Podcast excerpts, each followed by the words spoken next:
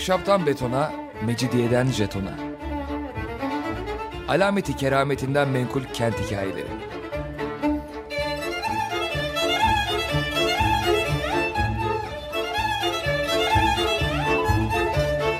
Hazırlayan ve sunan Pınar Erkan.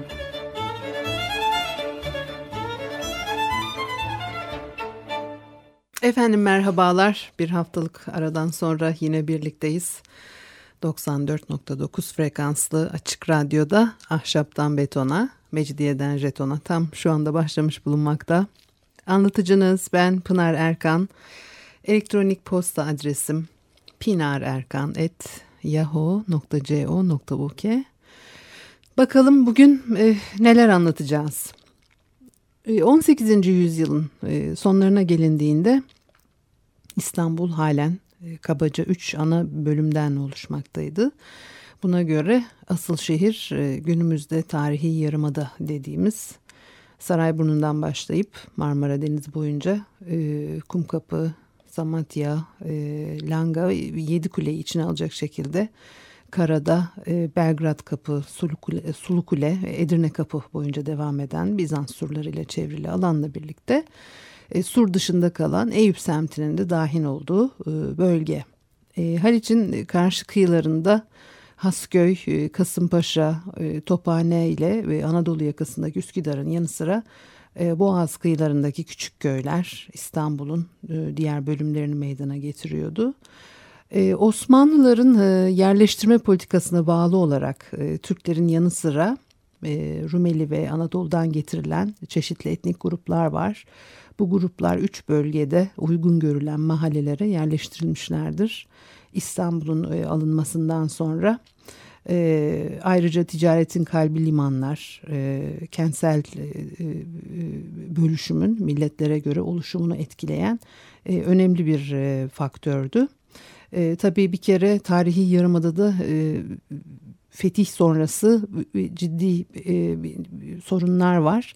E, bir kere nüfusun azal e, arttırılması tabii arzulanıyor. Ona bağlı olarak da e, böyle bir politika güdülmüştür. E, çok çeşitli yerlerden e, nüfus getirilip yerleştiriliyor buraya şehirdeki hayatı canlandırmak için.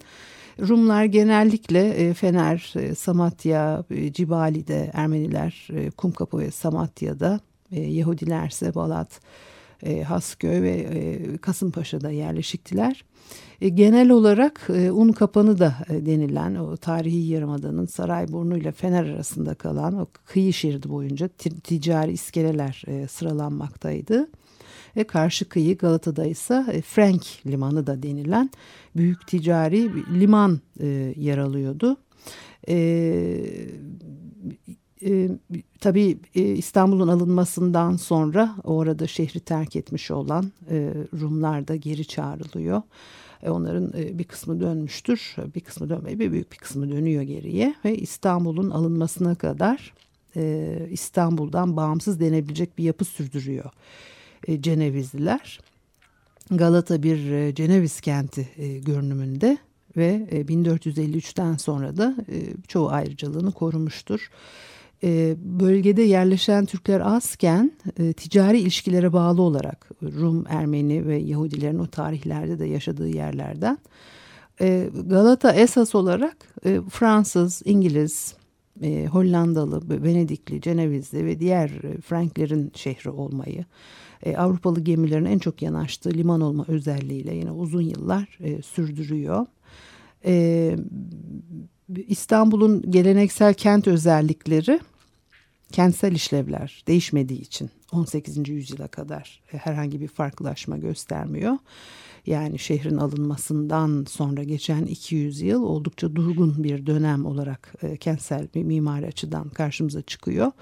E, Ayasofya, At Meydanı, Topkapı Sarayı kentin röper noktaları olmaya devam etmiştir. E, kıyılardaki liman oluşumları e, Bizans'tan beri kenti besleyen noktalar olarak yerlerini kurdukça da her şey aynı kalıyor. E, şehirdeki nüfus yoğunluğu 18. yüzyılda artmaya başlıyor kentsel yayılmada ona koşut biçimde ortaya çıkmıştır.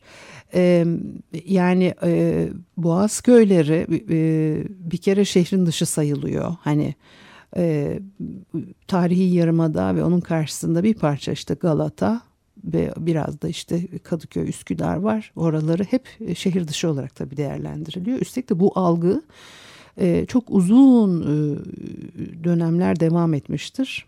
Yani asıl İstanbul tabii tarihi yarımada o çok net 1980'lerin sonuna kadardı ben e, yani Kadıköy'den Eminönü'ne gidecek insanlar İstanbul'a gidiyorum diye konuşurlardı. Şimdi böyle bir algı kalmadı ama o zaman e, bu e, tabii e, bu şekilde düşünülüyordu. E,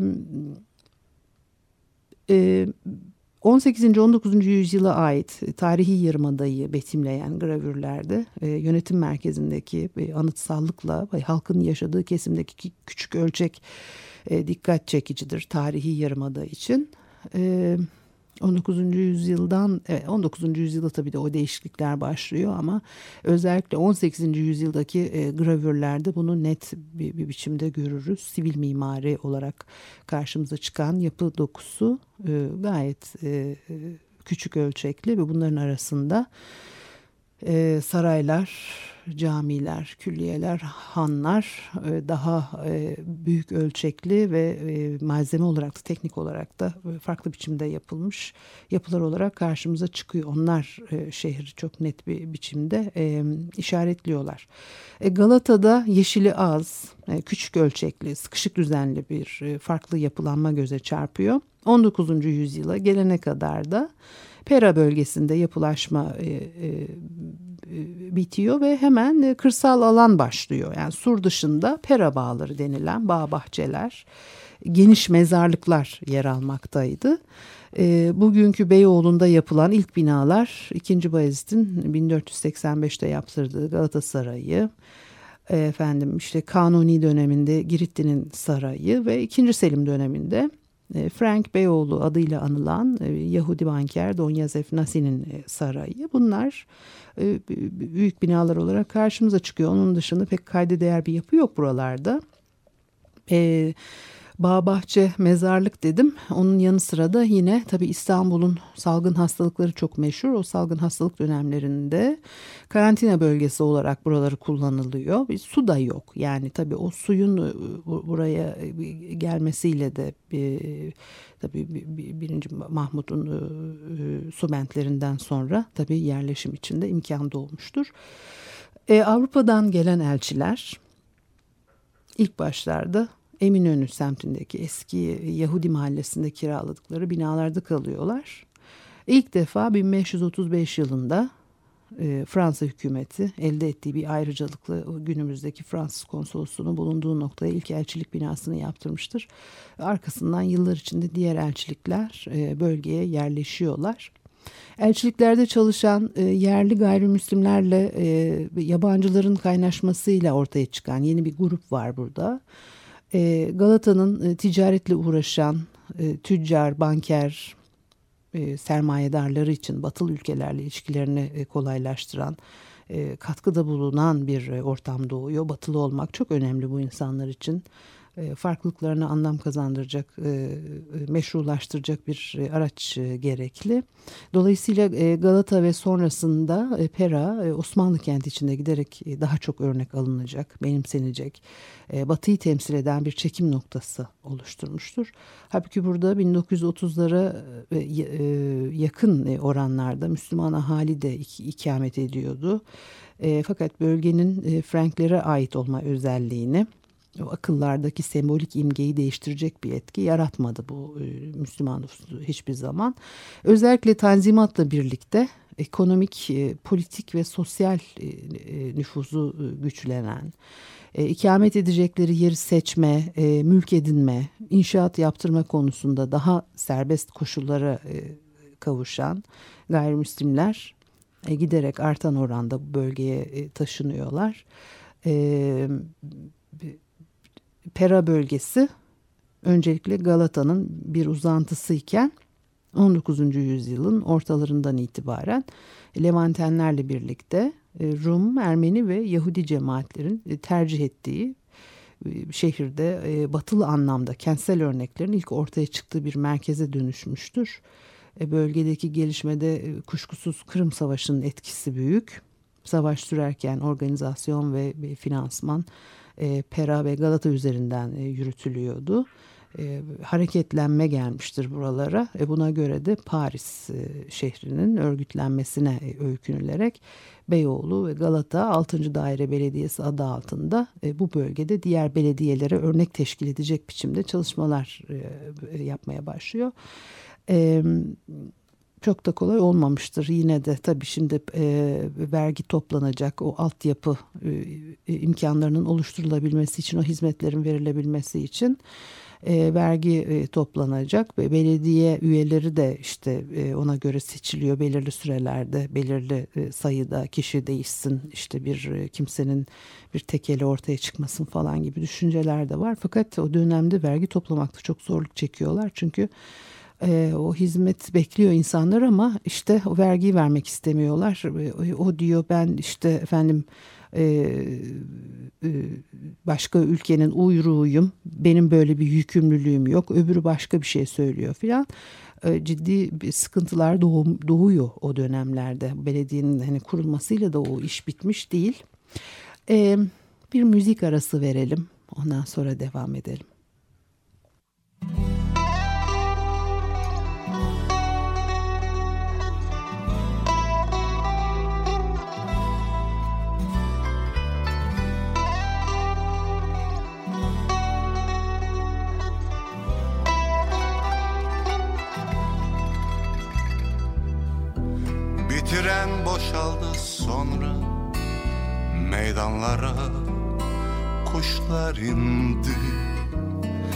Seni beklerken her şey sana benzedi. Sonra bir ağaç indi. Ağaç sana benzedi. Bir şarkı yanaştı iskeleye. Kelimeler sana benzedi. Sonra bir yağmur indi. Sonra ebem kuşakları Sonra sen geldin Sen geldin Bütün sokaklara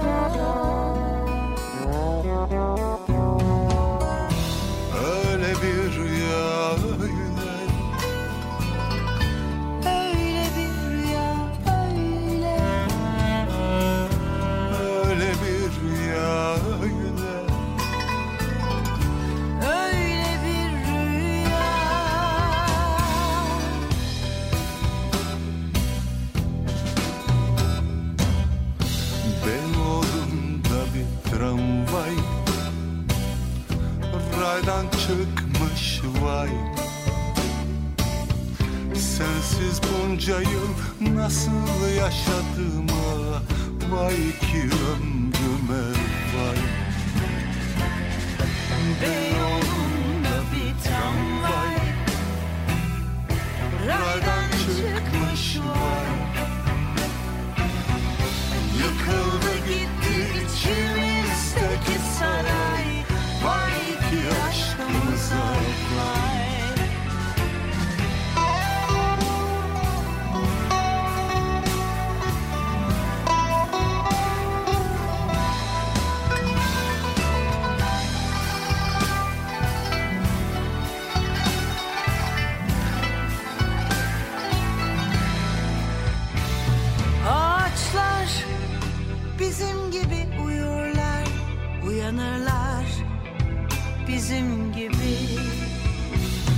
Şimdi sokaklar Buseler ordusunda.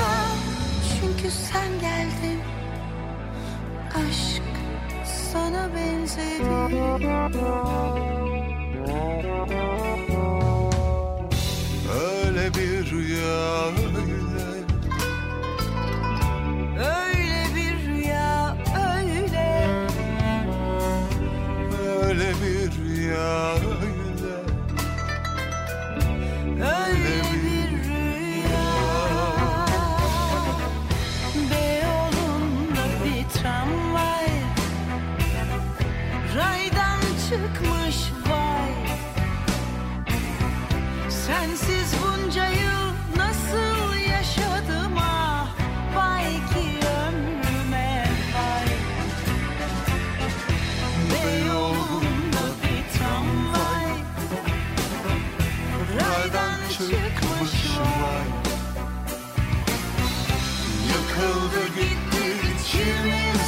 içimizdeki saray Vay ki aşkımıza vay Öyle bir rüya öyle. Öyle bir rüya öyle. Öyle bir rüya Öyle Öyle bir bir rüya. Efendim e, Açık Radyo'da Ahşaptan e, Betona, Mecidiyeden Jeton'a devam ediyor. Pınar Erkan'ı dinlemektesiniz. E, biraz e, 18. 19. yüzyılda e, kentsel değişim dönüşümlere bakıyor bakmak istedim bugün. E, Çok e, genel anlamıyla bir hani e, bir, bakış uzaktan e, ne nasıl olmuş bu konuları daha detaylı şekilde daha önce konuşmuştuk ama şöyle bir toparlayasım geldi e, bugün için. E, 6. Daire Belediye hizmetlerinin e, işte 19. yüzyılın ikinci yarısında başladığını hani söyledim en son. E, tabii şehir 19. yüzyıla çok çabuk, çok hızlı e, değişip dönüşüyor. E, kentin değişimini belirleyen bir diğer düzenleme Ebniye Nizamnameleri. E, bunlardan ilki 1848 yılında hazırlanmıştır. Sonraki yıl bir elden geçiriliyor. Bir diğeri 1864 yılında. Sonuncusuysa e, 1882 yılında e, uygulamaya konmuştur. 100 yıl boyunca süren bir kentsel değişimi. İnşaata yönelik sistemli e, örgütsel düzenlemelerin kurulması, e, malzeme seçimi, kullanımı, boyutları, nitelikleri, efendim e, fiyatların belirlenmesi, temin edilmesi, binaların yüksekliği, sokak genişlikleri, arsa e, parsellemeleri gibi konularda kurallara bağlamıştır. Bu emniye nizamnameleri çok önemli. Şehrin e, dokusunu e, daha önceki dönemlere göre çevirmeyi işte hedefliyor ve tabii ahşaptan kagire doğru bir e, dönüş olsun isteniyor. Tabii e, o dönem içerisinde büyük yenilikler e, yapılmasına rağmen o ahşap yapı dokusu tabii biliyorsunuz 20. yüzyılın ortalarına kadar varlığını sürdürdü. O kadar kolay olmuyor değişiklikleri yapmak. E, tabii Halic'in iki yakasını bağ, bağlayan yani ulaşım çok önemli, yepyeni ve hızlı bir boyut getirmiştir. İlki 1836, ikincisi 1845 tarihli Galata Köprüleri. E, altyapı bakımından şehrin e, e, gelişimine çok önemli birer e, yenilik. Yani o zamana kadar işte neydi? İkinci e, Mahmut izin veriyordu atla e, bazı devlet ricalinin e, gidip gelebilmesine falan araba kullanılmaya başlıyor. E, ama artık köprüde yaptıktan sonra herhalde e, durun gitmeyin durmayın geçmeyin diyecek halleri yok. Dolayısıyla e, kent içi dolanım e, değişiyor. İki yakayı birbirine bağladıktan sonra. E, Galata'da 1865 yılında sur duvarlarının yıkılmasıyla e, Yeni Kapı Caddesi, Şişhane Sokak, Büyükhendek Sokak, Boğazkesen Caddesi, e, Karaköy ile Azapkapı arasında Yorgancılar Caddesi, e, Karaköy Tophane bağlantısını sağlayan e, Galata Caddesi e, yeni biçimlenmelere olanak veriyor ve 1863 yılında e, araba geçişine uygun hale getirilmiştir Galata Köprüsü ve burada tabii yine bir farklı e, dönüşüm tekrar yaşanıyor. Taksim ile Pangaltı arasında iki yanı ağaçlıklı genişçe bir yolun açılması ve bu yolun Şişli'ye kadar uzatılması da 1869 yılıdır. Yani e, Taksim ile Pangaltı 1869'da birbirine bağlanıyor düşünün. Onun içinde o şiş mezarlıkların Şişli'ye taşınması, şehir dışına taşınması, ee, yani çünkü işte bir Taksim'e göre şehir dışı sayılıyor oraları ve e, bu bölgedeki e, mezarlıkların yavaş yavaş e, kentsel e, yapılanma içerisinde ihtiyaca göre e, ortadan kaldırıldığını görüyoruz. İşte onların bir kısmı Şişli'ye şehir dışında diye taşınmıştır. O 1869'da e, Elmadağ yolunun açılmasıyla beraber ve tabii yangınların da o çok etkisi var. Tatavla e, semti karşımıza çıkıyor. Sadece e, yangınlara bağlı nüfusun yer değiştirmesi değil tabii Tatavla'nın oluşması ama o çok önemli bir etken. Yani bu yangınlar sonucunda şehir içerisinde ciddi bir göç ve hareket var yani. Onun için e, bunlar 19. yüzyılda hep çok etkili. Yani biz tabii o salgın hastalıkları falan belki bu kadar şimdiden e, bugünden geçmişe bakarak çok ayırt edemiyor olabiliriz ama hani düşünürsek eğer verem hastalığının e, daha 20. yüzyılın ortalarına gelene kadar ne kadar etkili olduğunu bu senatoryumlar filan yani e, romanlara e, mizah hikayelerine e, konu olmuştur çok uzun yıllar boyunca yani bu hastalıklar çok etkili insan hayatında kentlerin toplumların biçimlenmesinde ona göre e, yönlendiriyorlar. Şimdi 19. yüzyılın e, ikinci yarısına gelene kadar İstanbul'un diğer semtleri gibi Galata Pera'da büyük yangınları sahne oluyor. O ahşap yapılar yangınlarla ortadan kalktıkça bu yönetmeliklerin de yönlendirmesi ve yangın yerlerinin batılı e, yöntemlerle planlanması çabalarına uygun olarak o kagirleşme işte mümkün e, hale geliyor. E, yabancı ve gayrimüslim mimarlar yangın yerlerinde e, kentte daha önce görülmemiş tipte yapılar yapmışlardır.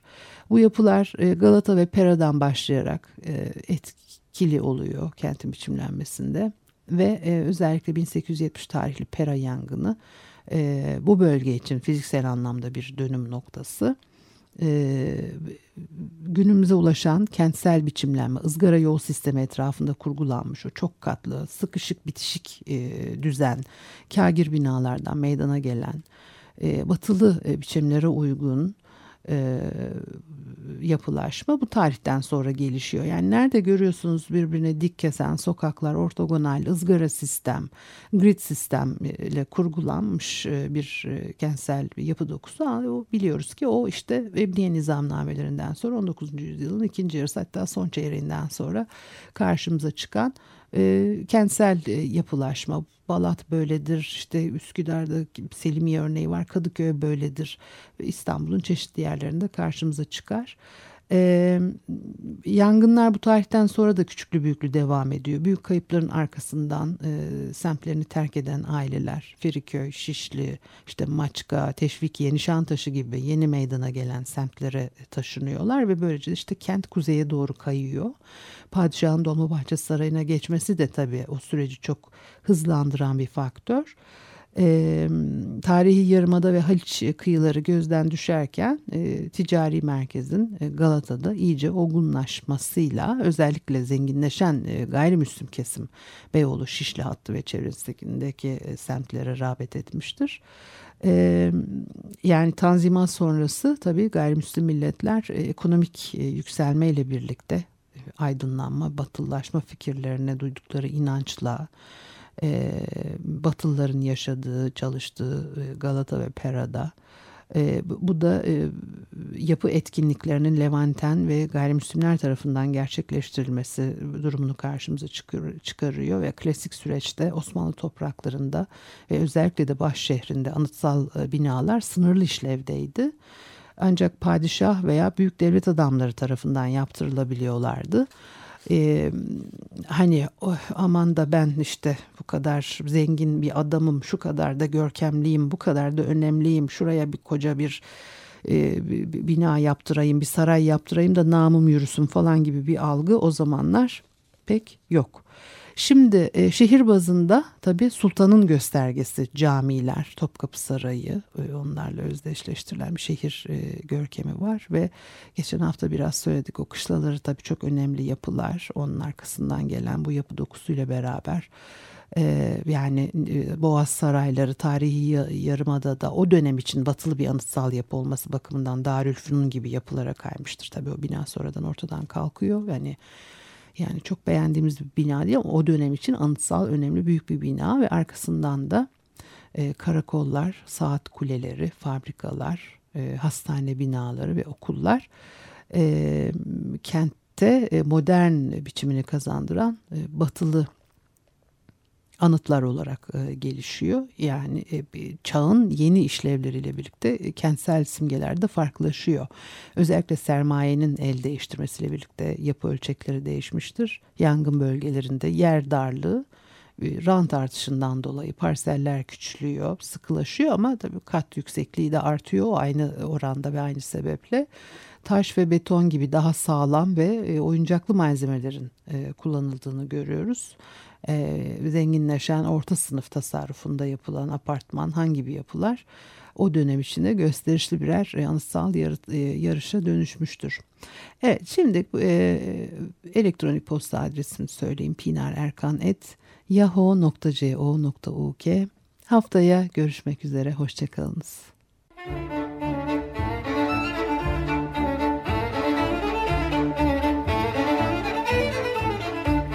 Ahşaptan betona, mecidiyeden jetona. Alameti kerametinden menkul kent hikayeleri.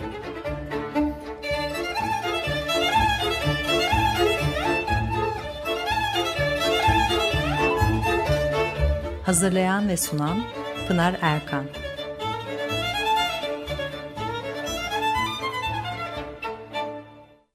Açık Radyo program destekçisi olun. Bir veya daha fazla programa destek olmak için 212 alan koduyla 343 41 41